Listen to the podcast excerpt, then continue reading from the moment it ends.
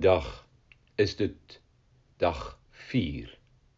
Onderweg naar Pasen 2020. En wij leven onder, allemaal onder een quarantaine, intelligente lockdown vanwege de coronavirus.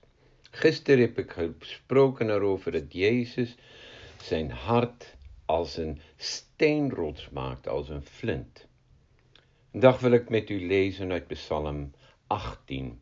Psalm 18 is het psalm van David dat hij probeerde om uit de greep van zijn vijanden te verblijven.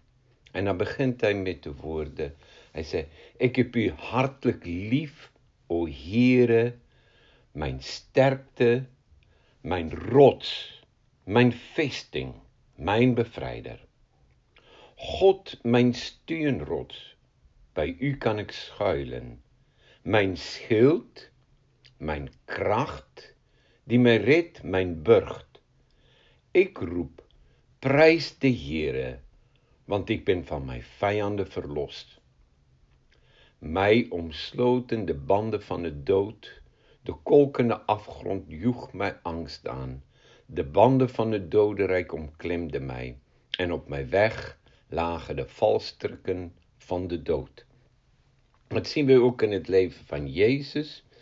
Wij zien dat terwijl hij bezig was om goed te doen, mensen te helpen, kwamen de valstrukken en steeds meer werd er tegenspraak gehouden door de fariseeën, door iedereen om hem heen. En ze waren erop uit om hem te doden, om eruit uit om hem van het leven te, te beroven.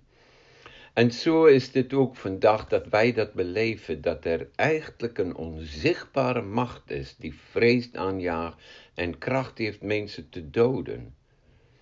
Maar David zegt, vers 7, in mijn nood riep ik tot de Heere. Ik schreeuwde naar mijn God om hulp. En zijn paleis hoorde hij mijn stem, mijn roepen bereikte zijn oren.